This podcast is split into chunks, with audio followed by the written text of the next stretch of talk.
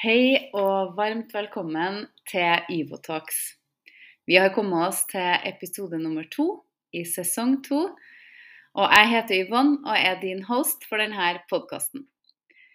Dette er jo en uhøytidelig podkast som handler om alt ifra det vi ikke ser, til vitenskap. Mennesker og alt det rare og magiske som vi gjør, og erfaringene som jeg har gjort meg, og det jeg er nysgjerrig på. Om du ønsker å stille meg spørsmål, så finner du meg på Kompani Jacobsen på Instagram og kompanijacobsen.no. Men eh, la oss slutte med det her, og så kom i gang.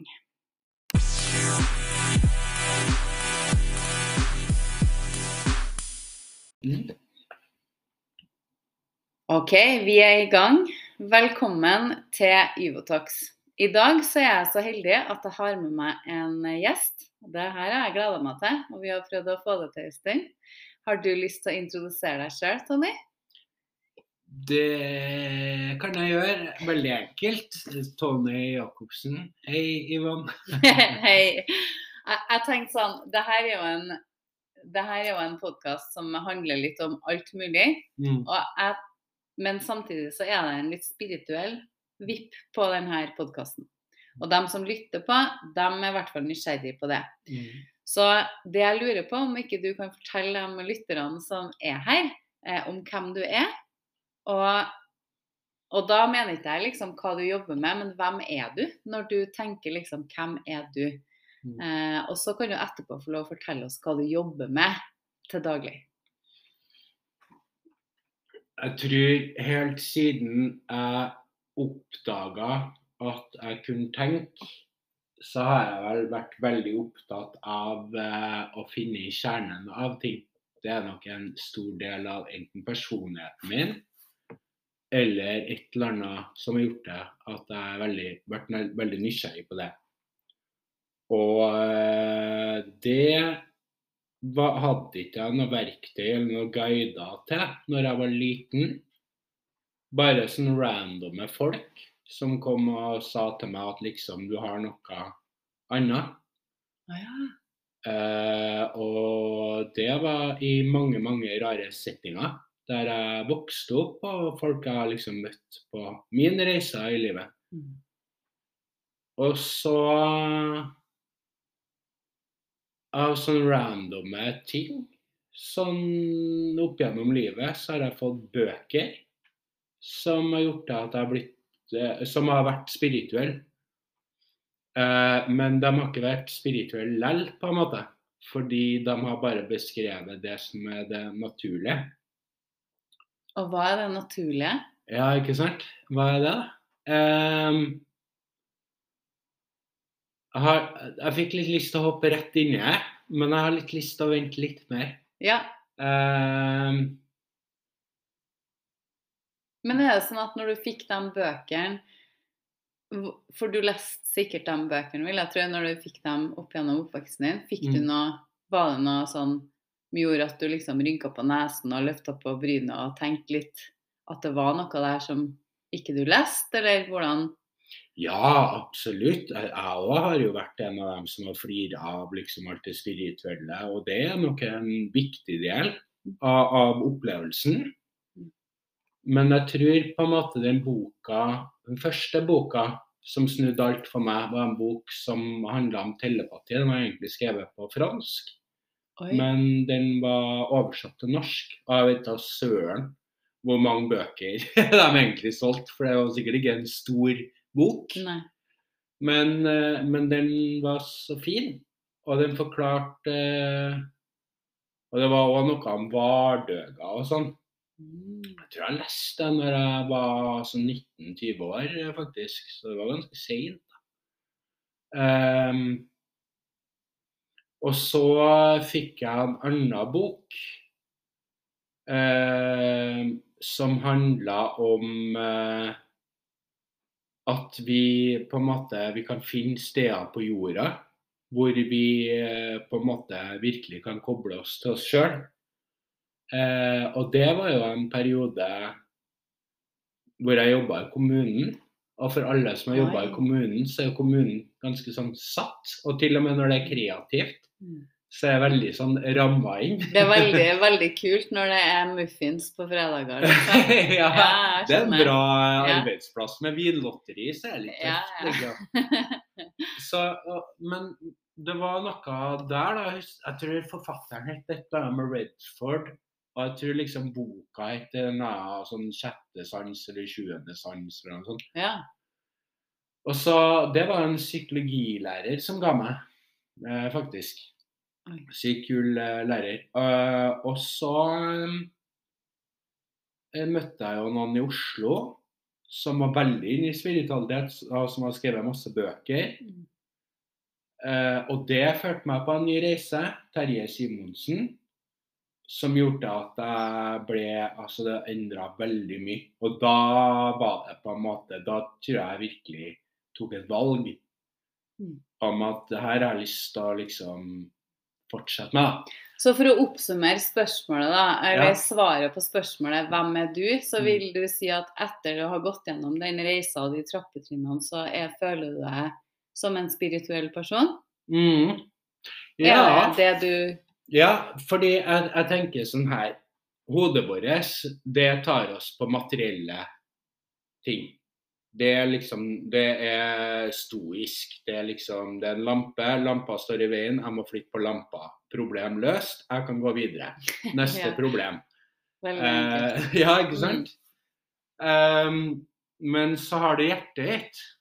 Noen ganger så vil ikke fjerne den lampa, ikke sant? for du har et behov for at den skal være på, kanskje.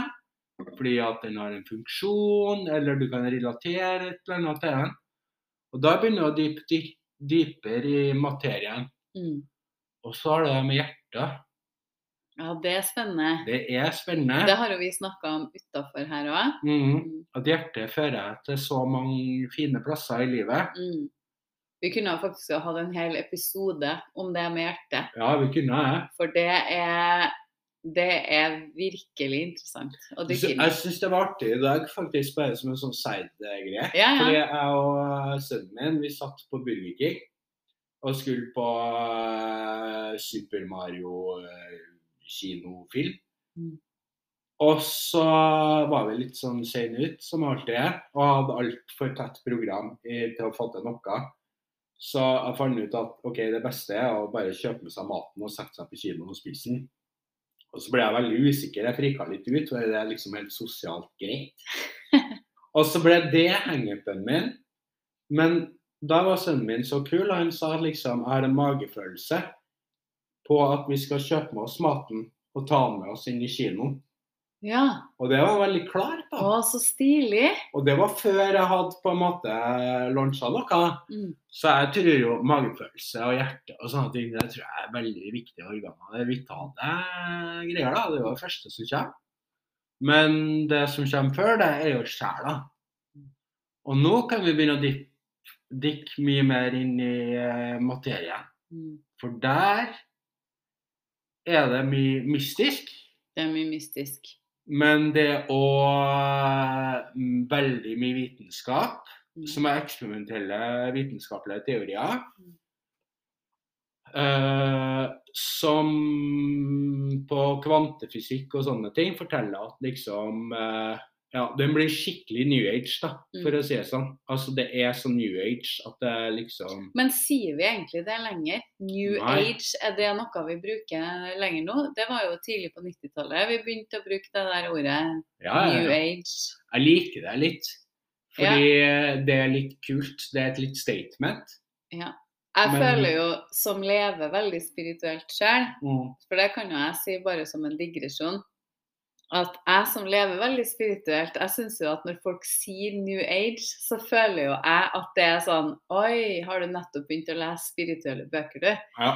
Skjønner du? Så jeg er litt sånn der. Men før vi dykker inn i det her som, som du snakka om, da, eh, så har jeg noen spørsmål jeg har lyst til å stille.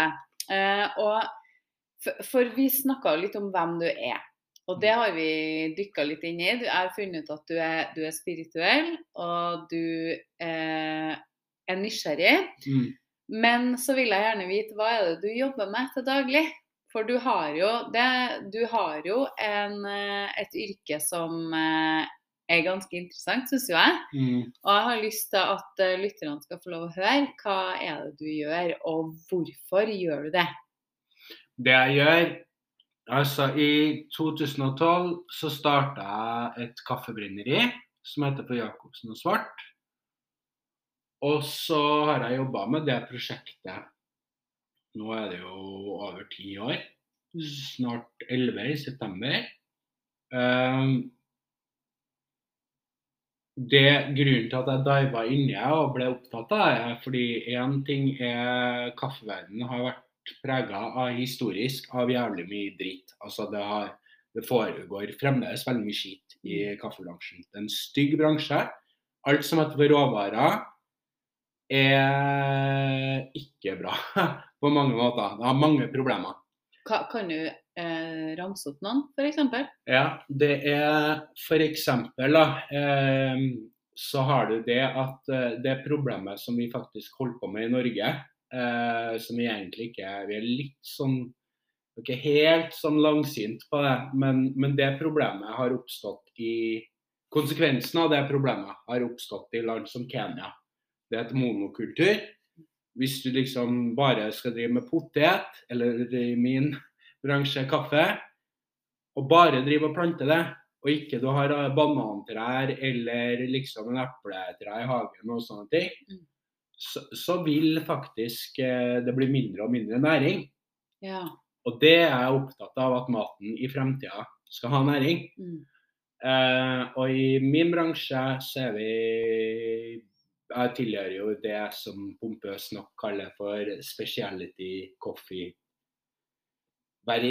Mm. Eh, spesialkaffe. Men for meg så er jo det på en måte det som er kaffe. Men hva er det som skiller spesialkaffe fra den kaffen vi kjøper i dagligvaren, f.eks.? det, For å lage den kaffen du kjøper i dagligvaren, la oss tenke sånn da. Hvis du er et stort kaffebrenneri på kommersiell plan, så handler du ofte i bulk, da, som det heter. Du kjøper en container med kaffe. Og så er spørsmålet hvor mange sånne containere trenger du? Og det er mange. Eh, og da er det Den kaffen kan jo komme fra, den kan jo komme fra ett sted. For det, det er helt umulig å fatte det. Så jeg må komme fra mange steder. Og da, hvis du skjønner hvordan kaffebusinessen er bygd opp, uh, helt sånn i korte trekk, så er det uh, Vi kjøper jo fra eksportører. Nei, importører, mener jeg. Importører. Importørene eh, våre bor i Europa. Eller de har varehus da, i Europa. Mm. Så er det sånn at de kjøper fra en eksportør. Men eksportøren er kobla til det internasjonale nei, ja, først og fremst det internasjonale kaffenettverket. Mm. Men det har ikke så veldig mye å si. Det er det nasjonale eh, kaffeorganisasjonen som setter reglene. Og Det er ofte bestemt av regjeringene i de ulike landene. Og det er så big business fordi det er en av de mest omsatte råvarene på verdensbørsen, at eh, det er så mye kaffe som du egentlig ikke har vet hvor det kommer ifra. For veld, i kaffebransjen så er det veldig mange eh, mellomledere, eller mellomstasjoner. F.eks. hvis hvis du har en kaffe, er jo i utgangspunktet et bær. Og hvis du skal plukke de bærene, så har du kanskje ikke muligheten til å tørke dem eller eh, vaske eller eh, fermentere dem. For kaffe blir jo fermentert, sånn som kakao og vin og alt mulig annet. Eh, og da er det sånn at eh, sant, da må noen gjøre det. Og det koster penger. Så må du ha connections, og så får du kanskje en kickback ut ifra poeng og sånne ting. Ah. Og der er det veldig I og med at kaffe er ikke en, eller smak er ikke en eksakt vitenskap i seg sjøl, for det er en preferanse, Ja, selvfølgelig. ikke sant? Mm. Um, så er det veldig lett å manipulere det systemet, og det systemet kan være korrupt som bare helvete, og ofte så er det det. Men, men det man ser er at liksom det er veldig veldig mye I spesialkaffebransjen så er det så mye penger at folk tør ikke å være drittsekker. For det slår tilbake. Men i den kaffen som havner i bulk, Mm. som er liksom du handler i dagligvare, Der kan det skje jævlig mye stygt. Ja. Som eksempel Nei, underpris, da. At du får for lite for kaffen din. At du faktisk taper penger. Og at du ikke har kompetansen til å forstå sjøl at du sitter igjen med mindre når du ikke har utdanning. Som vi tenker er fundamentalt. ikke sant? Det er ikke det for resten av verden. Nei, for hvis vi tenker på hvor kaffen faktisk kommer fra, så er jo det fra forferdelige fattige land. Ja, det er det. Mm. Og jo nærmere på en måte kaffen sin opprinnelse du er, jo styggere og styggere blir det. Mm. Så, eh, så det har en tragisk historie. Men bransjen min har gjort jævlig mye for å få til en veldig, veldig bra greie. Så det var liksom min reise. Og så ble det en gründerreise. Jeg klarte å bygge liksom to eh, store kaffebarer. Hadde eh, egen radiostasjon inni greia og hadde masse greier. Og hadde masse internasjonal oppmerksomhet, og sånne ting er jo utrolig kult. Men så er det noe med at uh, du kan ikke drive og gründe og tro at det skal motivere deg til syvende og sist. Og du kommer til å gjøre feil. Det er jo en del av prosessen. Så det jeg har fått tilbake igjen, er jo å oppdage håndverket. Ja. Og det er jo noe jeg har blitt veldig, veldig glad i. Dette her syns jeg er artig, fordi det er, en, det er egentlig neste på lista mi over ting jeg har lyst til å spørre deg om, da, som jeg også har lyst til at andre folk skal få lov å høre. Mm. Og det er jo bl.a. det at hvordan Fordi du snakker jo om det her med håndverk. Du er veldig opptatt av etikk og hvordan eh, arbeiderne blir behandla. Hva er det vi får i oss, og hvordan eh, foregår den prosessen fra bonde til sluttbruker, ikke sant? Og, Mm. og hva får alle sammen, og hva sitter man igjen med? Mm. Eh, og jeg må jo si at jeg kunne ingenting om det her før du lærte meg det. Og jeg var jo en av dem som handla kjempebillig kaffe på butikken og trodde at eh, det var ikke noe problem å gjøre. Mm. Nå så er det jo flere grunner til at jeg ikke gjør det. Jeg er jo Mm. veldig heldig som har lov å, får lov å drikke så herlig kaffe hjem. Men om jeg ikke hadde gjort det òg, og bare begynt å kjøpe og lært om den prosessen, så hadde jeg nok kommet til å fortsette å kjøpe spesialkaffe. Mm. Nettopp pga. eh, den historien som du har fortalt meg. Mm. Og jeg syns det er en veldig viktig historie å fortelle. Mm. Fordi at Og da dykker vi på en måte litt videre inn i det som er materien jeg har lyst til å snakke om. da, Og det er jo det her med at det du gjør på det kaffebrenneriet, det er jo et håndverk. Og Mm. for at det håndverket skal bli bra, så må det ligge noe til bunn. Og jeg tror jo at det er noe spirituelt som ligger bak det. Mm. Og sånn som jeg kjenner deg, så er jo du et veldig åpent menneske. Veldig nysgjerrig og veldig åpen. Eh, og du er glad i folk, sånn som jeg har i hvert fall lært deg å kjenne. Mm. Eh, og, og du er også nysgjerrig på det du ikke ser. Mm. Eh, og derfor så har jeg litt lyst til å, å spørre eh, Er det noe spirituelt Føler du at det er noe spirituelt i den praksisen du gjør i hverdagen på kaffebrenneriet? Og, og, hvordan er det noe spirituelt i det? Ja, det, det kan jeg si. Så ehm, hvis vi kan kalle eh, det man holder på med, en yoga, altså det er en praksis, ikke en fysisk praksis, men noen ganger en yoga. En yoga er jo på en måte Yoga står for unity. Eh, og eh, det er jo enhet. Og jeg tror jo at eh, når man på en måte tar en praksis, du står i hverdagen din, og det du prøver i stedet for å tenke at liksom Å, det her er et problem, det her er vanskelig, det her er dritt. Så kan man heller tenke at liksom OK, hva er jeg kan lære ut av? Og, og hva kan jeg lære ut av å stå i den situasjonen jeg står i? Og for meg, da, som er over 40 år, eh, som har på en måte måttet starte en ny gründerreise etter covid igjen, eh, så er jo det egentlig ganske interessant. fordi det jeg har merka, er jo at ehm, ehm, det var veldig tøft å starte, ikke bare fordi at det er vanskelig å starte, men, men når du er gamlere, så har du kanskje ikke den samme tida du har hatt. Du har ikke de samme mulighetene. Hver gang er forskjellig. Og situasjonene endrer seg hele tida. Det er en egen flow i det. som Du, du har ikke noe kontroll over det. Du må bare akseptere at det er sånn. Og um, det som Det å kun på en måte få lov til å ta de utfordringene og prøve å se på det som en lærdom, og, og, og se at liksom OK Sånn som nå, så har jeg liksom pussa opp det brenneriet vi hadde og gjøre ferdig det, sånn at noen andre kan flytte inn. Og så må vi pusse opp der vi skal flytte, eller har flytta inn, og liksom finne greia vår og finne en stemme. Og Der har jeg vært sånn før, så tror jeg nok jeg var mye mer opptatt av trendene. Nå driter jeg faen i det, altså. Jeg gir blanke faen. det eneste jeg bryr meg om, er liksom Klarer jeg virkelig å fylle til ro? Mm. Og, og, det er det jeg tror det handler om for meg. og Det håndverket, det å, å på en måte falle til ro, det er en praksis. Mm. Det er å, det å liksom kunne bygge noe er ikke bare å bygge noe, eh, fordi det har liksom sine regler. Du, liksom, du kan ikke trosse tyngdekrafta og sånn der. Men så er det òg noe med at du vil jo lage noe som er ditt. Og det å akseptere at du er så flink sånn som du er du, du, er bare så flink. Du får ikke til det kanskje en snekker klarer å få til. Men du kan lage noe annet og akseptere det og se det vakre i det. Altså wabi-sabi.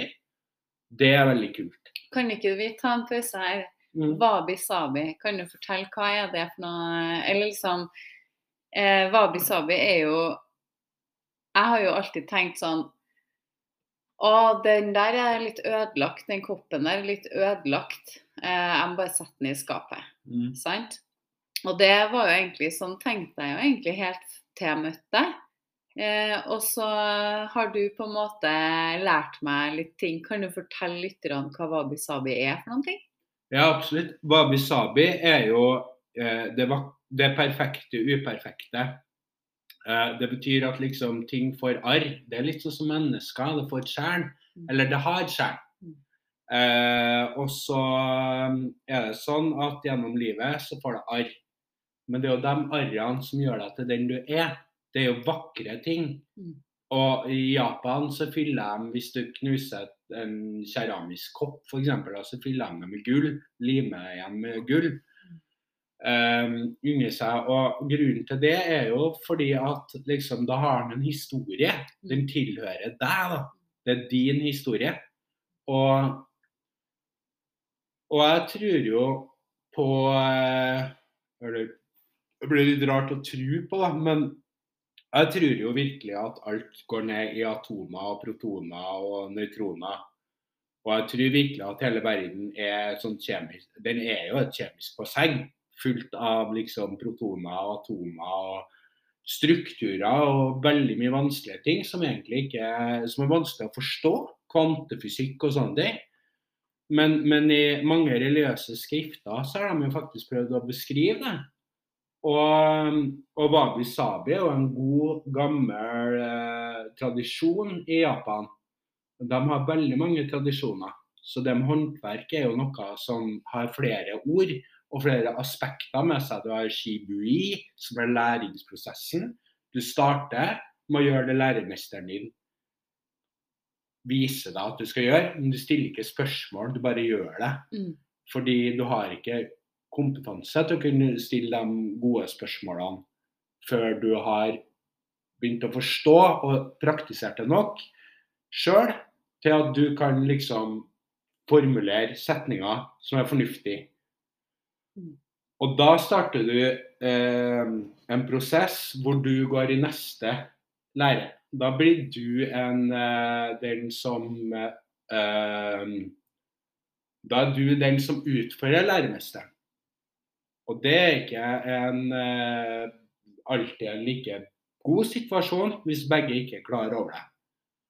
Men hvis begge er klar over det, så er det den beste forutsetninga du har. Og i gammel, gammel eh, kampsport og liksom mye sånn i eh, meditasjon, i zen-tradisjoner og uh, tao og sånne ting. Så det er veldig viktig. Mm. Du skal spille ut læremesteren din. og læremesteren din skal lære noen lekser fra eleven sin. Ja, for det har jeg lyst til å Jeg har lyst til å på en måte Jeg kommer jo fra yogaverden, og i det jeg i hvert fall har erfart gjennom mine år, da, det at jeg er en student, men jeg er også en lærer. Mm. Og det er alle andre også. Og alle og det, det er noe jeg prøver å lære bort til mine studenter også. At de er ikke bare studenter, de er også lærere. Fordi de kan noe som andre kanskje ikke kan. Eh, og da er det jo viktig å på en måte prøve ut det. Og for at jeg skal bli en bedre eh, yogaterapeut f.eks., så er det viktig at noen prøver ut meg. Mm. For at jeg skal kunne utvikle meg videre, da. Og det er jo, det er jo kjempeviktig, syns i hvert fall jeg. Ja, med. Eh, Tonje, jeg har lyst til å gå litt videre, men jeg tror vi skal ta oss en bitte liten pause. Så vi får eh, strekke litt på føttene og, og riste litt på eh, kroppen. Er det OK for deg? Absolutt. Herlig. Da ses vi om litt.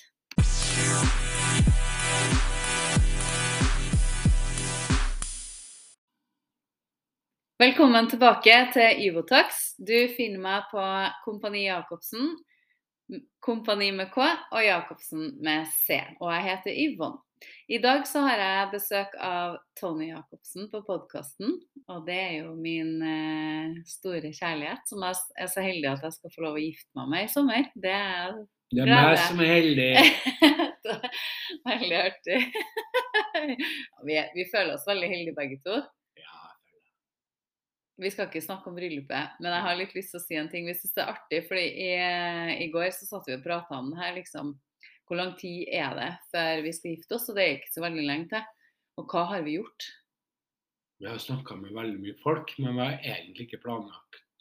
Eller vi har planlagt, men ikke liksom sittet det i noe system. Nei, vi har liksom ikke vi har gjort- Veldig litt, litt dårlig. Ja. Ja, Men, men det blir bra, for vi Ja, ja. vet det kommer veldig mye kule folk. ja det, det Um, blir en fantastisk fest. Jeg tror det blir årets fest, faktisk. Helt enig. Jeg tror det. OK, tilbake igjen til denne podkasten. Og, og vi, nå har vi jo sittet og snakka litt om hva du gjør, og at du føler deg litt spirituell.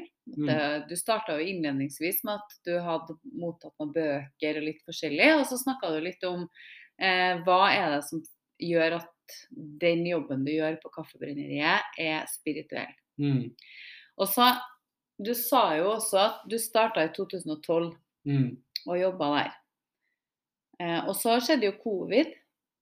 Og hvis jeg har lest ting riktig, så gikk du jo konkurs Ja, ja. i covid. Mm. Eh, men du har starta opp igjen etterpå. Og det må du fortelle meg om. Du må fortelle meg hva eh, Hva var det som gjorde at du hadde lyst til å starte opp igjen etterpå? Eh, jo, eh, fordi Jacobsen og svart for meg har alltid handla om håndverket. Og jeg tror egentlig folk i Norge vi er ikke så gode på å forstå det som de kanskje forstår mye bedre i, Eng i England, i Italia og Frankrike og litt sånne ting. Og det er denne håndverkstradisjonen. For håndverkere har blir sær. Sånn som jeg. Jeg blir sær. ikke sant? Jeg har rare vaner, jeg har min greie. Det må være sånn. Det er liksom min greie. For at jeg skal få til å gjøre det jeg skal gjøre, så må jeg gjøre det på min måte. Jeg må være klar. Men det som er morsomt, er at liksom Eller det som er greia med håndverksgreier, er at liksom For vi er så vant med å få alt når vi vil ha det. Men for en håndverker som skal utføre det, så er det ikke alltid mulig. Fordi noen ganger har du veldig mye å gjøre, og noen ganger har du veldig lite å gjøre. Og, og, og man må jo gjøre det bra. Og det betyr at liksom, du kan ikke bare kjøre liksom, produksjon 24-7 og tenke at liksom, ah, alt blir bare bra da. Fordi ting må gjøres, og ting må fikses, og ting må ordnes. Og det må være ordentlig, og det må være trygt, og det må være bra. Og, og da er det noe med dere at hvis du skal kvalitetssikre håndverket ditt, så må, vet du et par ting. Fordi du må jo hele tida sjekke det du sjøl gjør, og stå for det.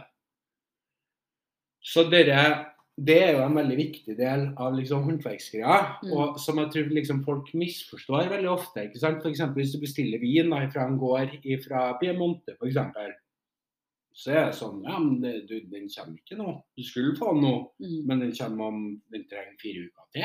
Eller den smaker ikke det samme, selv Nei. om det er samme flaske med samme etikett hver gang du kjøper den. Ja, og det er atomer og protoner, nøytroner og alt mulig sånn, ikke sant? Ting skjer.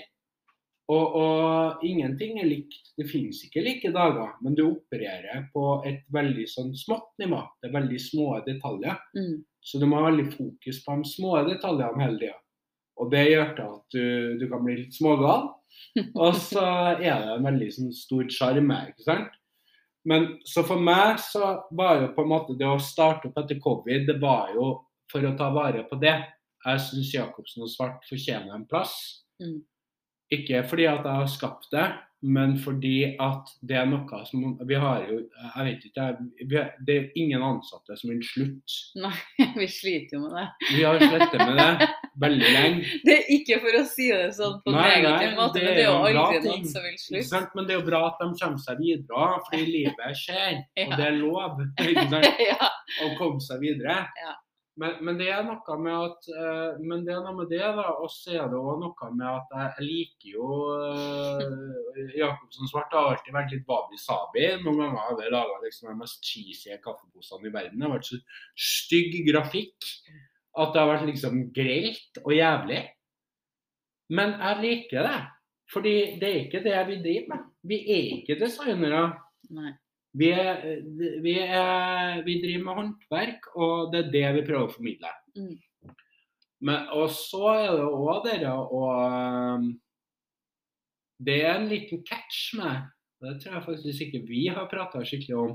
Men, men uh, i Norge så er det sånn at hvis du har gått konkurs, så er det ikke sånn at du får goodwill hos alle. Du må kjempe mye hardere for at folk skal ha tillit til deg. Og det syns jeg er en uting. Fordi i, i min verden, og for alle som har starta en bedrift, så skjer ting som er helt utenfor din kontroll. Mm. Og du kan gjøre masse, men det er en læreprosess uansett. Og det er aldri det samme. Det spiller ikke noen rolle om du jobber for verdens største selskap, eller om du jobber for verdens minste. Du har like store problemer, og du har like små problemer. Og alt kommer helt an på hvordan du tar det. Mm. Eh, og heldigvis så, har jo på en måte yogaen ført meg dit at liksom det får òg være en del av leksa. Det får ikke jeg gjort noe med. Hvordan andre tenker at, hvem jeg er, eller at jeg liksom har får til det.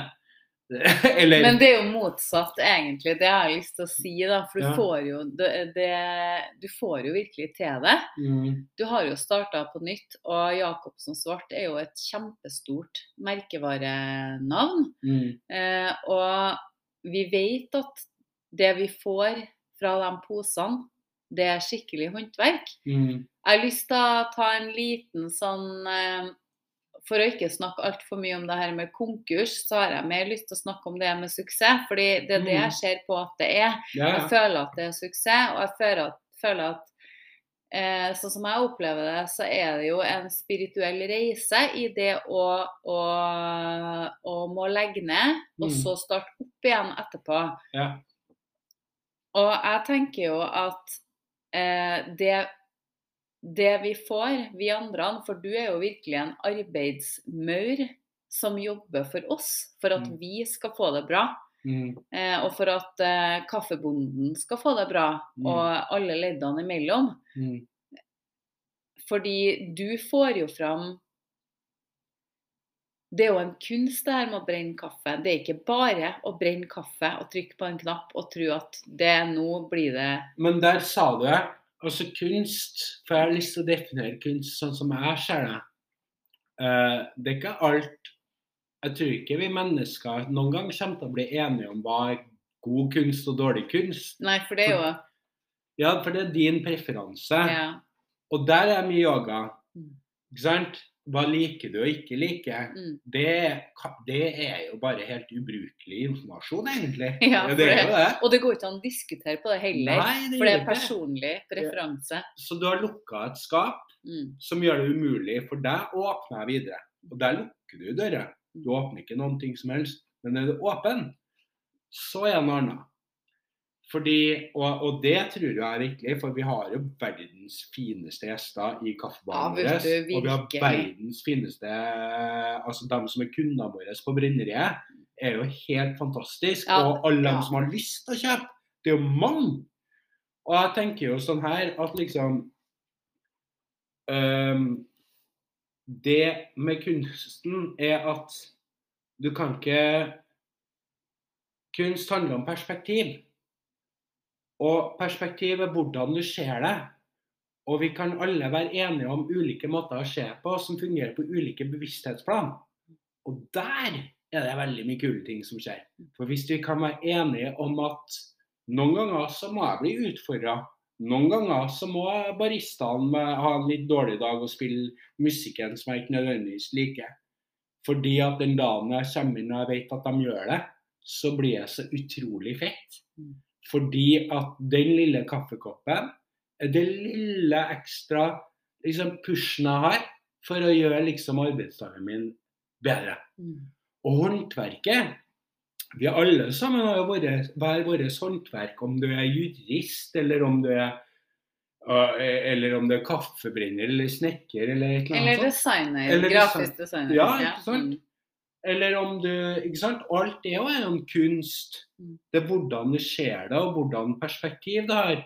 Fordi hvis du ikke har det samme perspektivet som dem som står over deg, hvis det er en dissonans der, Mm. så vil ikke ting funke.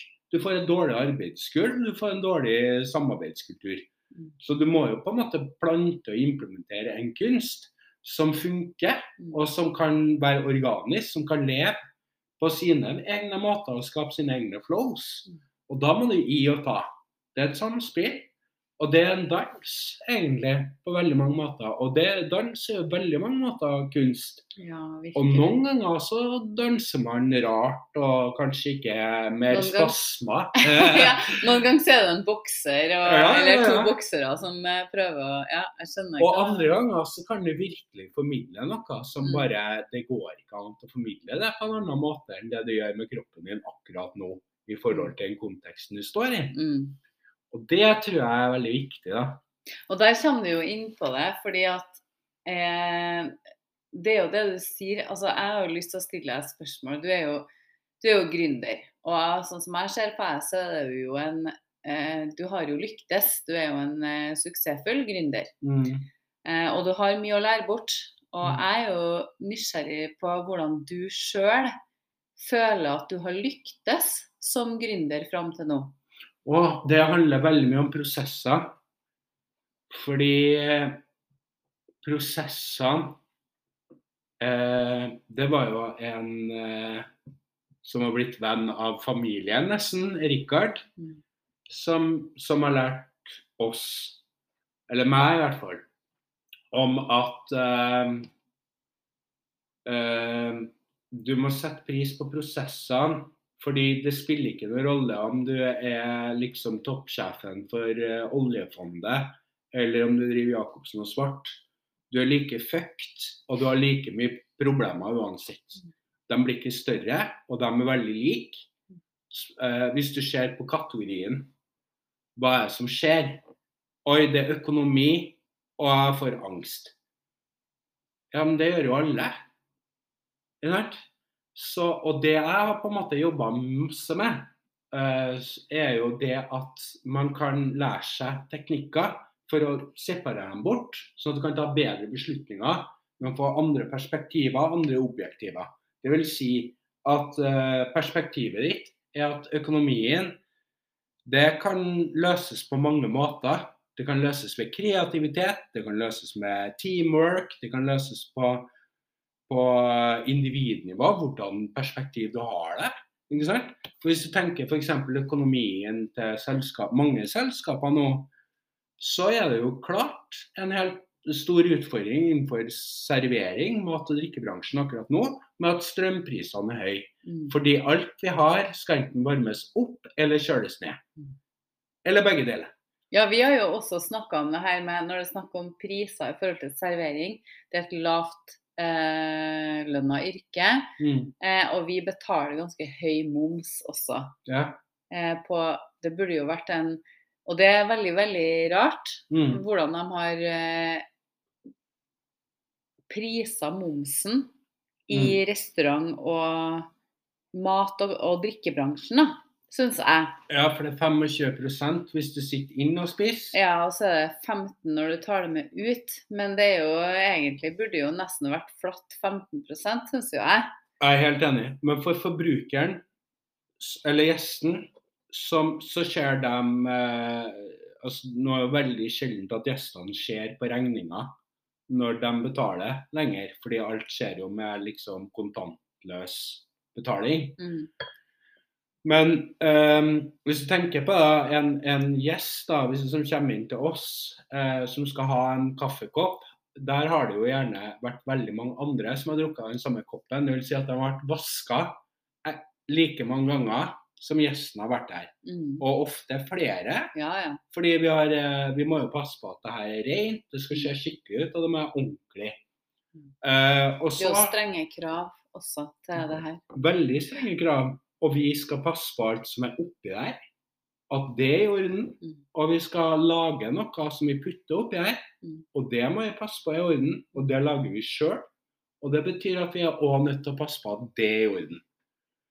Og det er jo òg sånn at det er jo en takeaway. Så er det bare eh, å putte i en pappbeger, og savne den i søpla, og så er det borte. Men alt som er inn til oss, krever jo faktisk utstyr. Det krever at noen faktisk kan utstyret og bruker det utstyret. Og det er forbruk på det utstyret, og det må være inne i et rom, som betyr at det er husleie. Og du har folk, og det betyr at det er forsikring. Og du må ha pensjon, og du må ha Det er ganske mange ting. And da. so on. Ja, And so det er on, ja. ganske mm. Så det burde ha vært 15 i hvert fall på mat og drikke. Ja. Alt utenom sånne store fjompenisser, sånn som Egon og sånt. De kan fint betale 25% glatt. Ja, Vi er nå i hvert fall enige der, det er nå helt sikkert. Og jeg, jeg ønsker det for hele mat- og drikkebransjen i hele Norge. For Mm. virkelig, det gjør jeg. Ja. Eh, og jeg tror egentlig at det bare er satt en grense, uten at de helt, at egentlig helt tenker over hvordan de har satt grenser. Så tror jeg den bare er satt. Bare, Ja, ja. bare ha en grense. Ja, ja, ja. Eh, men jeg tror nok at det skal gå an å, å diskutere på det på et tidspunkt. Men det er en annen story. det er en annen Jeg har, eh, vi har, tida flyger jo i godt lag, og det går så fort.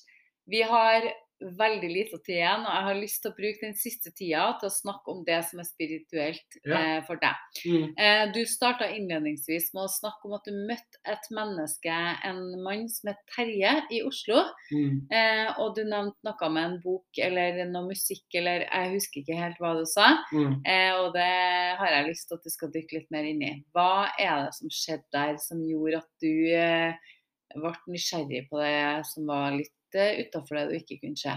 Eh, Det første som poppa opp i hodet mitt når du sa den, den tingen du sa nå, var en opplevelse For jeg har jo musikkbakgrunn som jeg hadde med meg fra egentlig barneskolen.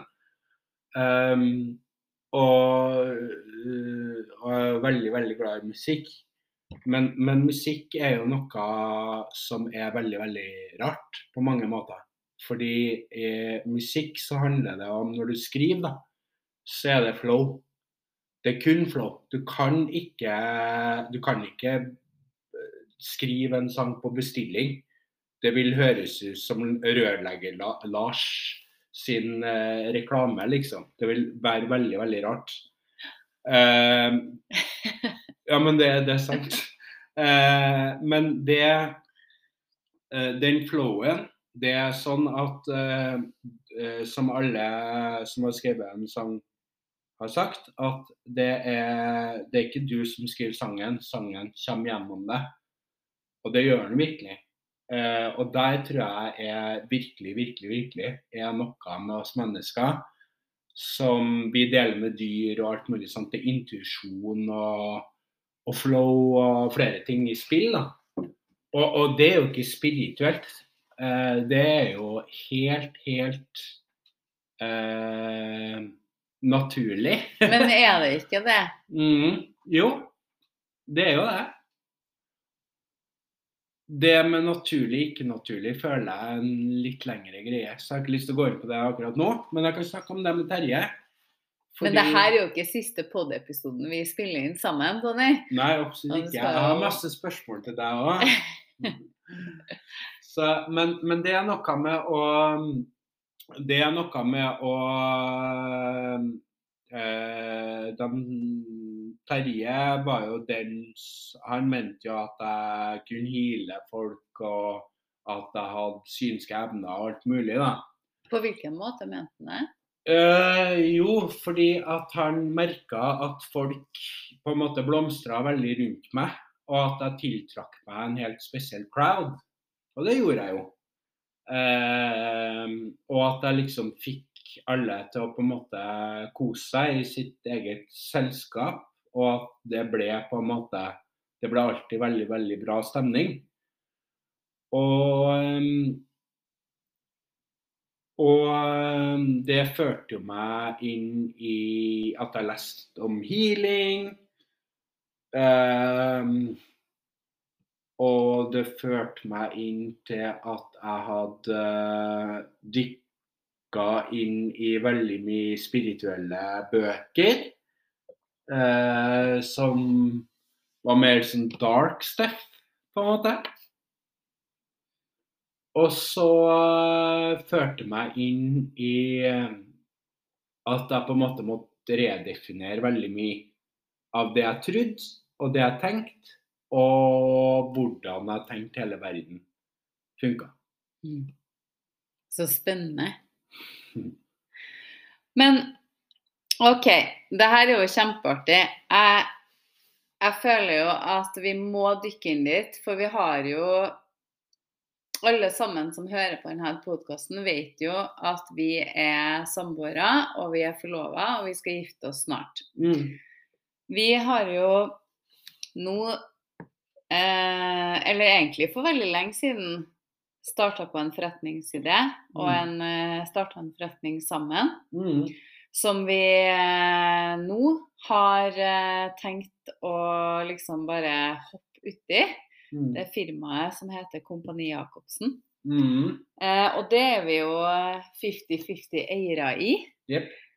Og jeg har lyst til at du skal få lov å fortelle litt om hva din rolle i Kompani Jacobsen er. Ja.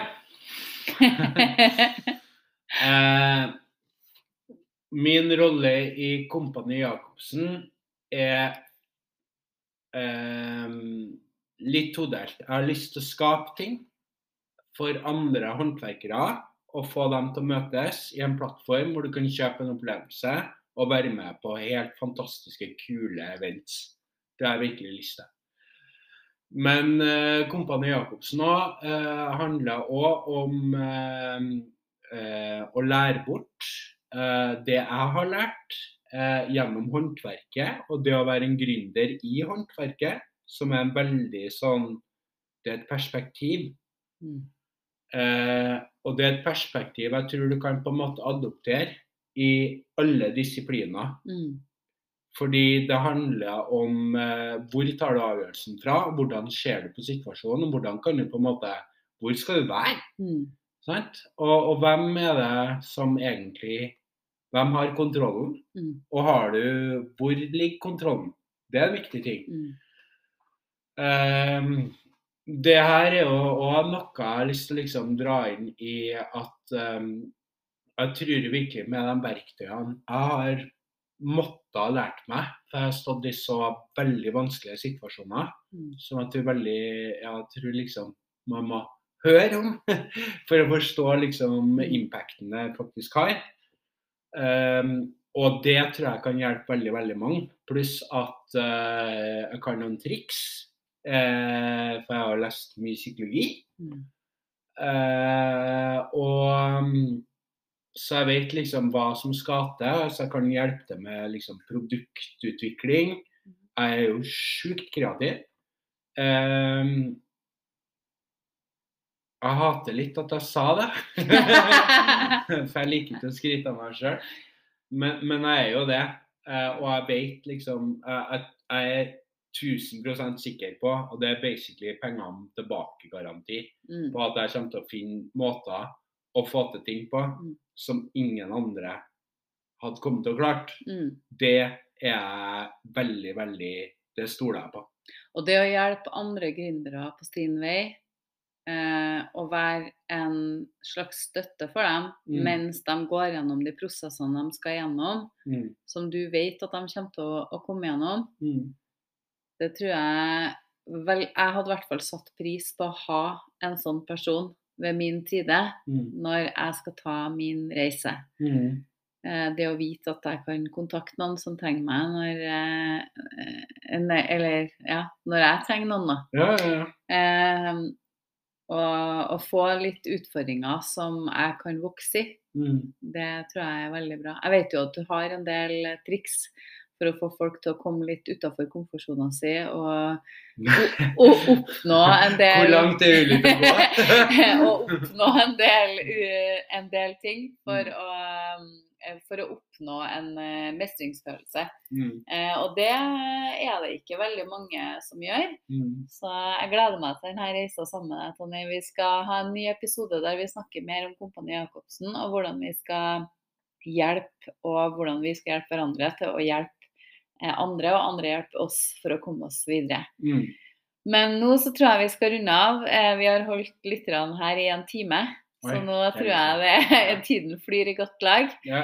Eh, Vi skal la dem få slippe fri. Er det noe du har lyst til å si som en sånn siste input? Noe du har lyst til å fortelle folket som hører på, eh, før vi stopper?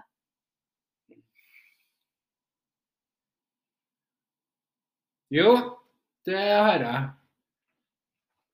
For det er at det er litt vanskelig å komme på hva man skal si da. Fordi jeg vet ikke. Du har gitt meg altfor frie tøyler. så øh, så det, det er litt vanskelig. Men øh, hvis dere liker det, og liker det vi snakker om, for jeg tror virkelig, virkelig at øh, når vi kommer, blir litt mer varme i trøya sjøl, og få komme oss inn på de tingene vi har tenkt å fortelle om, og som vi snakker om mesteparten av tida, som er utenfor podkasten. Når det finner formatet i podkasten, så er jeg sikker på at veldig mange kommer til å få noen tips og noen triks, og få noen ha-opplevelser som jeg tror kommer til å være veldig verdifulle.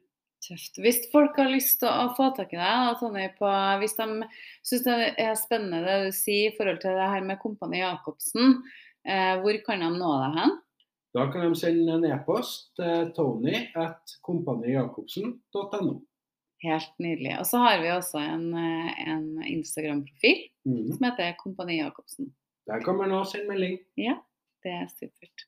Tusen takk for at du ville komme og dele litt av eh, en liten brøkdel av deg sjøl. Takk for at jeg fikk være med. Ha en, eh, ha en nydelig kveld, og så ses vi. Ja. Ha det! Hei da!